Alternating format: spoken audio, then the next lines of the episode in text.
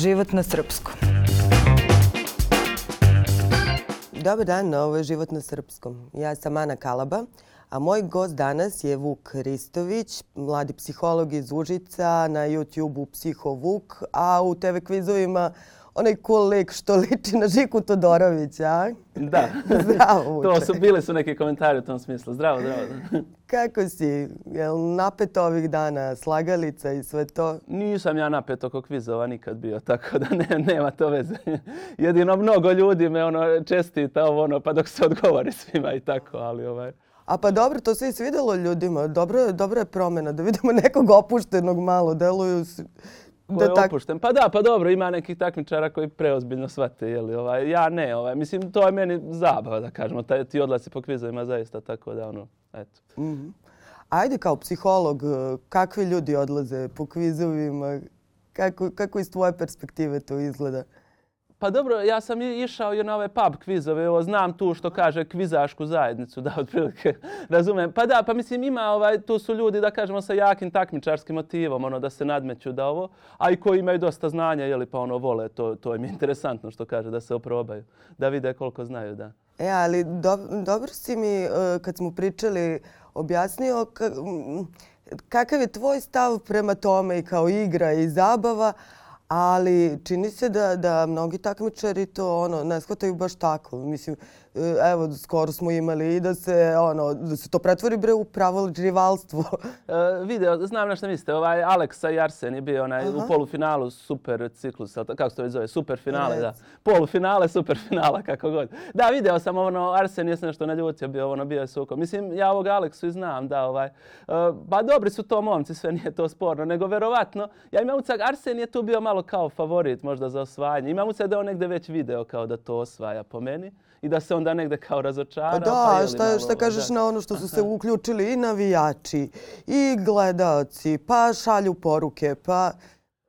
Pa dobro, to je kao u futbalu ono što imate fanatične navijače jeli, za, za klubove. Ta, tako i ovdje neki očigledno ovaj, ostraste se malo tu ovaj, kad navijaju u kvizovima, jeli, verovatno. A ti? Uh, ja, šta? U kvizu kao učesnik i kao gledalac. Pa kao gledalac, ovaj, ja, ob, da, obično navijam za nekog. Sad kad pitate ovako, da, kad razmislim, ovaj, obično navijam onako ko mi je simpatični. Ima, imam tu crtu. Aha. Ali dobro, mislim, ne bih se sad kao uključivao u te borbe ili svađao sa nekim po tom pitanju svakako. Da, da.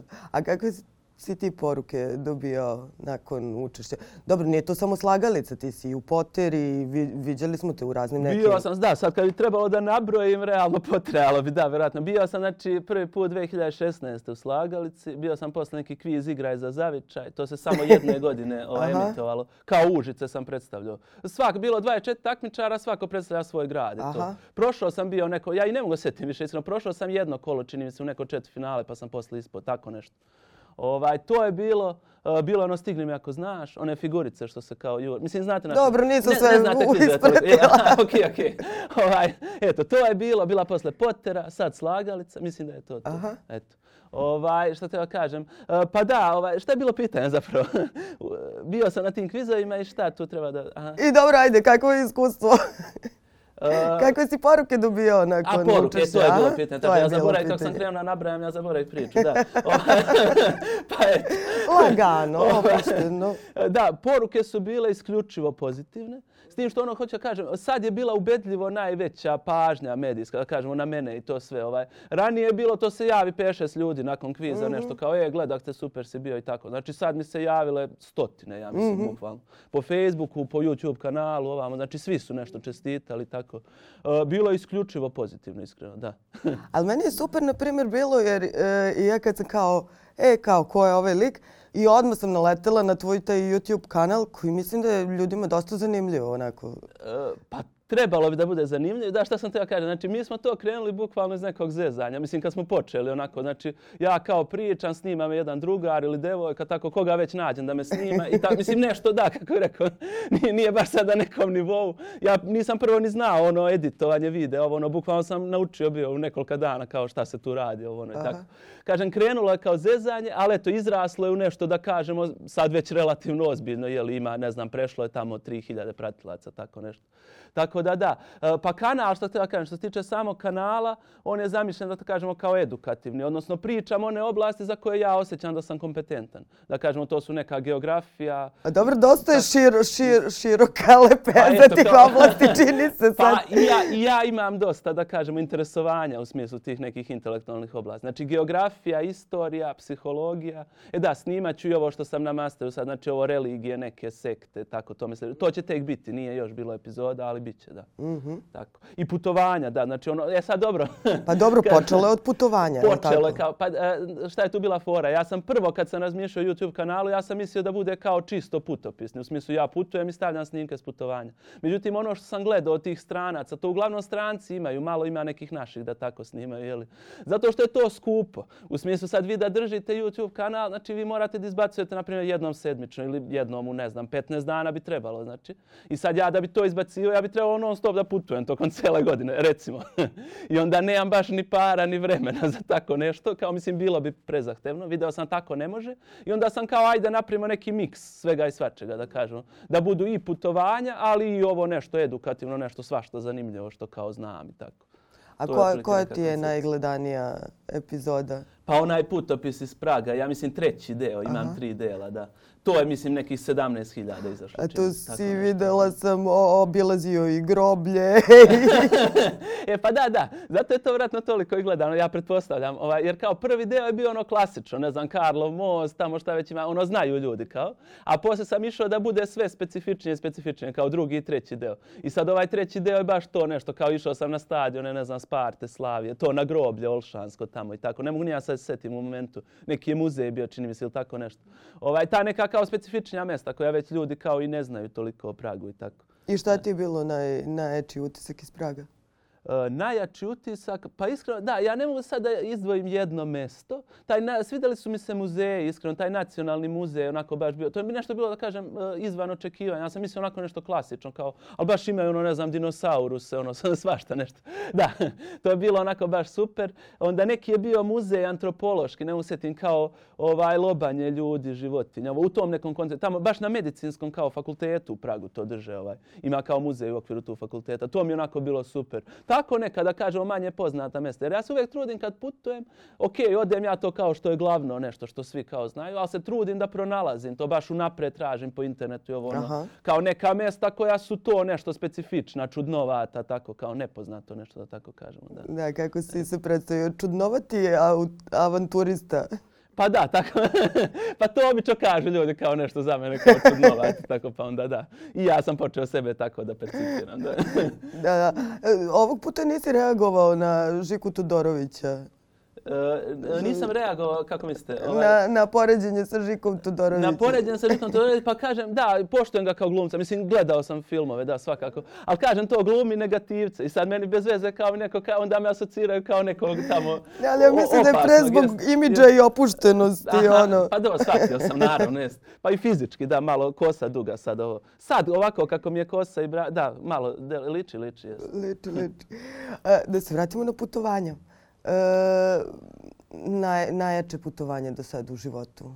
E, najzanimljiviji svakako Nepal, da, najzanimljiviji. Sad iz više razloga. To mi je bilo prvo neko putovanje daleko.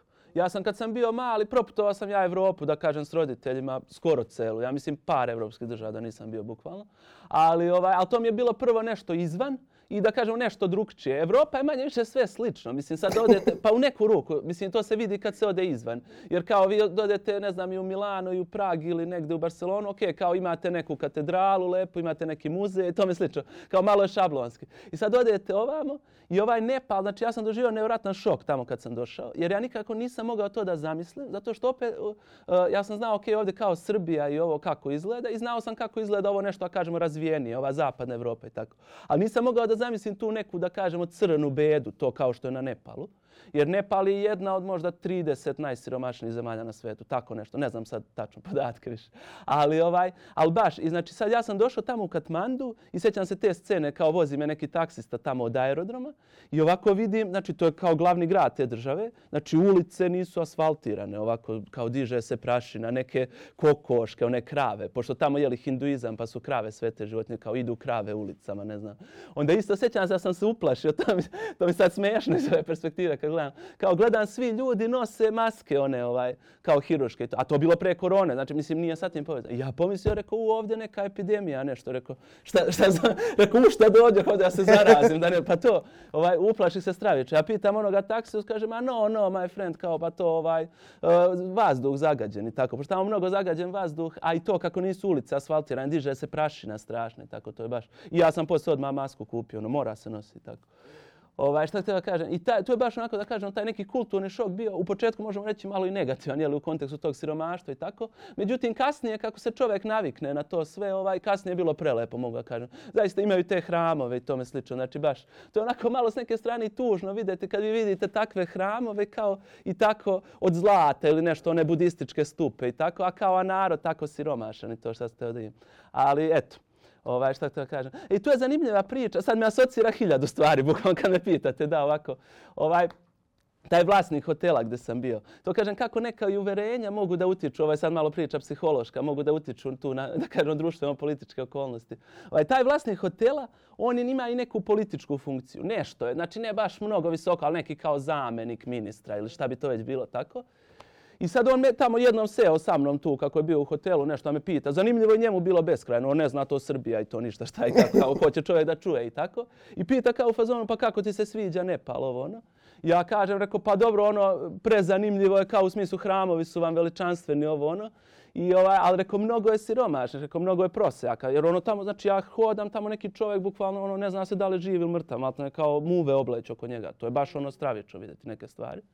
Ovaj, I sad kažem to njemu, rekao, ovaj, rekao, vi ste tamo u politici, to pošto mi on pričao prethodno o tome, rekao, možete vi nešto da uradite tu, rekao, malo nešto, ne znam, povećajte neke poreze, šta znam, za bogate, pa tamo dajte neku socijalnu pomoć, nešto, kako to već funkcioniše, rekao, ja se ne razumem toliko, to ekonomski, ali rekao, nešto sigurno može da se pomogne to. I sjećam se, on mi kaže, ovaj, kaže, ma no, no, my friend, kao ovaj, njima je to, kao njima su to tek prvi životi kao ovima, kaže prosjacima, razumijete? Jer šta, šta je fora? Tamo je znači hinduizam 80% religija, 20% budizam. Ne znam šta je ovaj, mislim hindus. Ali znači oni veruju svi u reinkarnaciju. I sad neko njihovo učenje kao u smislu oni u reinkarnaciji, znači oni prelaze sve bolje i bolje i bolje. Znači neko se rađa, ne znam, kao insekt, pa treba da napreduje do neke veće životinje, pa do čoveka. Pa onda i kad napreduje do čoveka, on je prvo to, to nešto kao nisko. Život, da, da, kao prvi život, kao čovjek. Prvo je prosjak, I onda on mora da prođe to negde, jeli? Da bi posle dospeo na ove kao bogatije stadijume, jeli? Kao što je ovaj zamenik ministra. I on baš i kaže, kaže, pa verovatno sam i ja nekad kao ranije bio, bio to, kao u smislu bio prosjak. Znači, kao, i on sad, mislim, to je neki način malo bez veze, jer on onda ne osjeća potrebu tog pomaganja, jer to smatra kao nekom, da kažemo, prirodnim stanjem stvari, kao nečim što je tako ustrojeno, da kažem. Da, da, da. da. da veoma interesantno.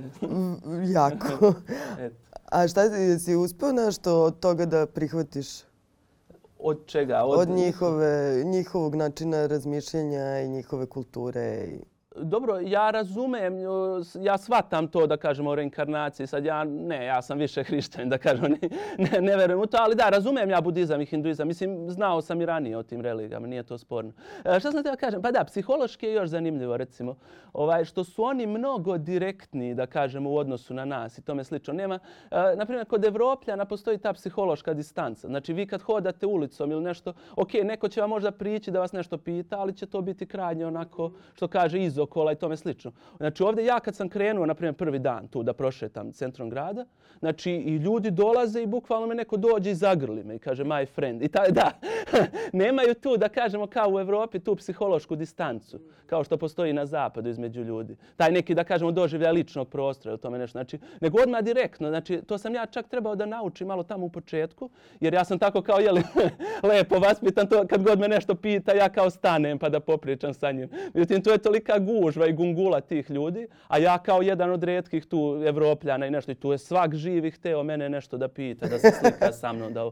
Ja sam shvatio, ja ako sa svakim stanem, ja neću ništa videti od te, mislim, kao stajem na svakih pet metara, ono, hodajući. A šta si pričao u Srbiji? Ajde, s druge strane, šta si ti njima? Šta sam ja njima pričao? Aha e, oni ne znaju o Srbiji, iskreno kad se kaže, mora da se objašnjava mnogo. U smislu, ako kažete Grčka, znaće gdje je Grčka, pa kao blizu Grčke. Na Balkanu ovo sla, ove naše državice sad kao od Jugoslavije slabo šta znaju. Znaju kad se kaže Tito, to je i ostalo. Kad se kaže Tito, kad se kaže Jugoslavija, to znaju. I onda ja njima objasnim kako je došlo od Jugoslavije do Srbije, ovo ono, pa razumeju oni to nešto. I onako zainteresovani su. Ovaj recimo vlasnik hotela, on je baš bio u fazonu kako bi moglo, kako sam ja došao avionski da vidi on nekad kao da dođe kod nas u Srbiju i tako. To sam objasnio, znam, preko Istambula leto, ovo ono i tako. Da, da. Pa neko su interesovanje pokazivali, mislim da im se priča, ali da su nešto znali nisu baš. Možda jedan čovjek neki što mi neke magnetiće prodavao kao da je znao kao. A Srbija i on kaže nešto znao, ne znam Đokovića, Teslu, ovo ono, nešto je kao Da, čuo. da, da. Ali redko ko, redko ko, da. Pa dobro, ali više me zanima šta si ti, uh, kako si ti predstavljao Srbiju? Pa dobro, ja sam se trudio naravno da predstavljam u pozitivno Aha. svjetlo njima to, da ih zainteresujem, jeli. Ovaj, šta htio da kažem? Ono što je zanimljivo kod njih, uh, oni nekako nemaju tu distinkciju različitih evropskih država. I sad njima kad kažete kao gdje je to, a kao Evropa, okay? I sad oni pomisle kao mi smo ekstremno bogati. Jer je njemu sve jedno Srbija ili Nemačka u neku ruku. On misli da je cela Evropa jednako bogata. I onda su se to oduševljavali. što ti neki klinci, tinejdžeri, tako kao on kaže, a ti voziš kola neka, ovo, kao skupa i tako. Sam misli, ja neki ima milione i tako u tom smislu. To mi je bilo interesantno. Baš i onda objasn kao, pa dobro, nije to baš tako. Kao, ali okej, okay, kao jeste razvijenije kao od vas, ali nije ono, mislim, ne treba da mi zavidite toliko baš kao u tom smislu. Eto. A ovdje kako živiš? Što radiš? Osim što snimaš, osim kvizova? Uh, pa Studiraš? eto, trenutno, da, studiram. Ja sam, ra- znači ovako neka priča o meni. Ja sam završio psihologiju pre jedno, pa, tri, četiri godine, sad ne znam nija. Znači, pre nekolike godine ovaj, radio sam jedno vreme kao psiholog kod roditelja dole u Užicu, pošto roditelji su moji oboje psihoterapeuti. Drže taj neki psihoart u Užicu kao ordinacije, tako. Aha. Ja sam onda radio tu neke, da kažemo, psihološke stvari. Te nalaze sam pisao, ne znam, testiranja psihološke. i Tako. Mislim, nisam ja obučen za psihoterapiju, to je, što kaže, korak iznad. A sam to nešto tako ratko i ovo ono. I malo mi to u nekom momentu dosadi, rekao, aj, mogao bi nešto drugo opet u Beograd, malo. Kao vratio sam se studentskom životu. Jednu godinu, barem, eto, ovaj, da završim. Ovaj, šta ti kažem, da, na masteru sam sad ova politikologija, reli, politikološke studije religije. to mi je zamerio profesor, kaže, u slagalici pogrešno si izgovorio ime mastera. Kao, ja rekao politikologija religije. Politikološke studije religije se zove master tamo na FPN. Znači, to je otprilike neka priča, nije to samo o religijama, u smislu sad da se izučava dubinski, ne znam, religijsko učenje ili nešto. To se već misli da neko ko to upiše i zna u nekoj meri. Nego, znači, kako različite religije utiču na politike, na političku situaciju u nekim državama. Da kažemo, na oblikovanje politike. To. Uloga religijskih aktera u političkom životu. Da, tako kažem. Dobro.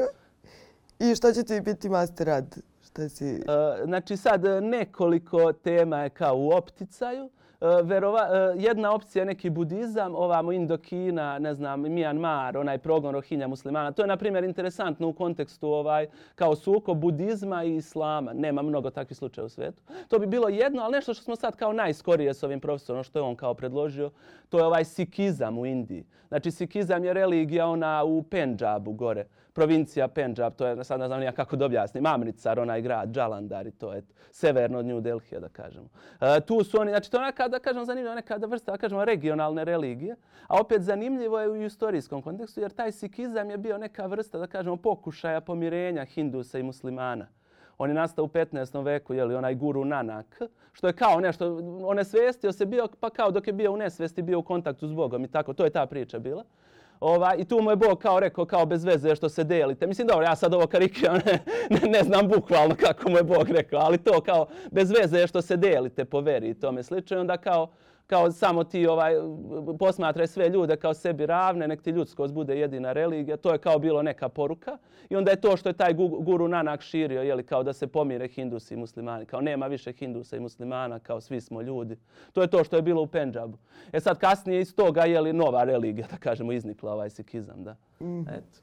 Ne, ali super mi je kako ti objašnjavaš to, ono kao prilično. Ja mislim da zato ljudi gotive te tvoje e, videe na, na YouTube-u, jer onako prilično jednostavno i opušteno objasniš onako da svi razumeju. Pričam spontano, Aha. da.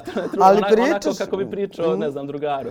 A pričaš i o, o psihološkim sindromima i o čudnim običajima i o nekim stvarima koje ono... pričam i psihološki u nekoj meri. Kažem, dobro, ja sad tu s psihologiju sam studirao toliko, ne znam, poslije radio, to me malo ismorilo, ali kao povremeno bacim i neku i tu temu, što kažem. Sljedeća će biti fobije sad u subotu, ne znam. Aha. Znači, kao po, povremeno, da, da, ima i psiholoških, ima i psiholoških. Ma da više ja idem na ovu geografiju i istoriju. Da to Pa da, ali povežeš? Pove, pa da. Onda gdje nešto ima, pa sve je neka psihologija, da kažem. Mislim, na primjer, kad se objašnjavaju neki istorijski, ne znam, fenomeni, ono, genocid u Kambođi, genocid u Ruandi. Mislim, tu ima mnogo psihologije da se razume kao pozicija, kako je došlo do tih klanja, ne znam, dva miliona, tri miliona ljudi ili tako nešto. Ovaj, tako da, da. Ubacujem psihologiju onda gdje je to nužno da se objasne neke stvari, da. Ima i samo psihologije. E, ima jedno tri videa, možda, da, psihološki Su sindrom, to- gledani psi, psihološki Zapravo, vidi ili... to, to je interesantno, da, to je nešto što ja nisam očekivao. Možda rekao ova geografska priča je negdje opštija za ljude, da kažem, više će ljudi tu, ali izuzetno su gledani psihološki vid. Da, sad kad bi se setio, ovaj jedan je možda 4000, drugi je 7000 pregleda, tako nešto. E, zapravo je malo, da, kad bi se sad analiziralo, verovatno, ja nisam ulazio u one dubinske statistike YouTube-a i tako. ono, još nisam na tom nivou što kaže. Ali ovaj, da, da, gledano je dosta. Psihologija je gledana dosta. Primijetio sam da to interesuje ljude. Često nekad ja objavim video geografski, on kaže aj snimi nešto psihološko ili tako. Kao, hoće, hoće, vole. Interesuje se ljudi, to je baš super. Dobro, a šta spremaš od putovanja nadalje? Uh, uh, imam, znači, desetak ideja možda. Vidjet ćemo šta će od toga biti. Uh, pa je, ili najvjerojatnije neka Azija, da kažemo Kazahstan je u opticaju. To sad gledam, to zavisi, nešto ću ja ići s devojkom, nešto ću ići sam. Pa ovo što ću ići s devojkom, kao, to ipak ne mogu da je vodim negde u džunglu, kao. Zašto? A zašto? pa dobro, mogu, ali da, nešto što bi baš bilo prenaporno tako. S devojkom ipak gledam nešto što je kao opuštenije, a sa ovog, ako bi išao nešto sam, onda bi neku baš ludilo. Recimo, nešto od tog ludila, to bi bila ta Mauritanija. Jer u Mauritaniji, znači to je ona država sad ovaj ispod Maroka, da kažemo južno od Maroka, pustinja Sahara. Nije ona nešto sama po sebi tu specijalna, ali je interesantno, ima jedan teretni voz kroz Saharu, jedno 700 km, 800 km ide. I tu postoji mogućnost da kažemo švercanja, odnosno u nekom momentu kada voz stane, kao može da se popne gore na one vagone. Pa da, oni voze tu neku rudu, ne znam nija čega, gvožđa, nečega tako. Ruda nečega se vozi iz Dobro. rudnika, da. I znači moguće je popeti se na taj teretni vagon na kome je ruda i znači tu se prevesti kroz pustinju celu Saharu. Neki ljudi su to već radili. Mislim i neki Hrvat čak da je radio. Ovaj, gledao sam, ima dosta takvih videa. Nije to sad nešto da kažemo epohalno novo što bih ja uradio, ali je meni ovaj, kao baš vrh. Ne, ne mogu da zamislim. Tak, da, ovaj, to je baš znači da prođem kao kroz Saharu tu na vozu. To je baš onako nešto. To je nešto, kažem, kad bi sam išao kao eto, baš Aha. ovaj avantura. A s devojkom vidjet ću, možda ću taj Kazahstan pa da spojimo malo dole Kirgistan, Uzbekistan, e, možda ću Šri Lanku. To je inače mnogo dobra fora, znači sad, evo da ljudi znaju što kaže ovaj, možda neko i bude hteo. Imaju jeftini letovi sad Beograd, Dubai, pa Dubai, Šri Lanka. Oni low cost, nešto ne mogu ja sad, znači po 50 evra može da se nađe, naprimjer da ispadne 200 evra let do Šri Lanke ukupno i natrag, ili 300, ne znam. Tako da to mi je neka opcija, znači nešto što može da ispadne kao jeftino, a da budem tamo, ne znam, mjesec dana, pošto Šri Lanka, ono, jeftina je zemlja i sve, a vrhunski. Eto. Šta još, možda Liban, jesam to pomenuo, ne znam, tako Nisi nek... Liban. nisam Liban, Da, da, da, ne znam nija, imam toliko nekih ideja sad kao, nisam nija siguran šta bih prvo, kao da. Mhm. Ovaj, Indiju ću ići jednom svakako, da, ne znam da li baš sad odmah ili tako.